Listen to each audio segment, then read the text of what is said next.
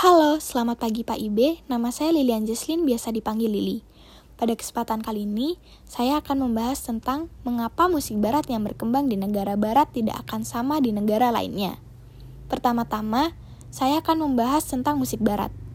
Musik barat adalah musik yang berasal dari barat yang kini berkembang pesat di negara-negara Asia seperti Indonesia, Malaysia, dan Thailand.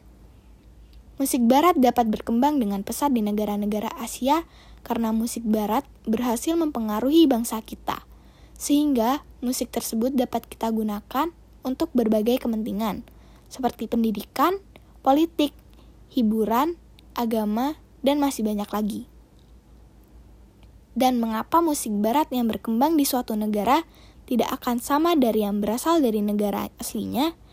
Karena menurut saya di setiap negara memiliki bahasa, dialek, dan kebudayaan-kebudayaan yang berbeda. Nah, jadi itulah yang menurut saya dapat membedakan setiap musik barat yang berkembang di berbagai negara. Terima kasih.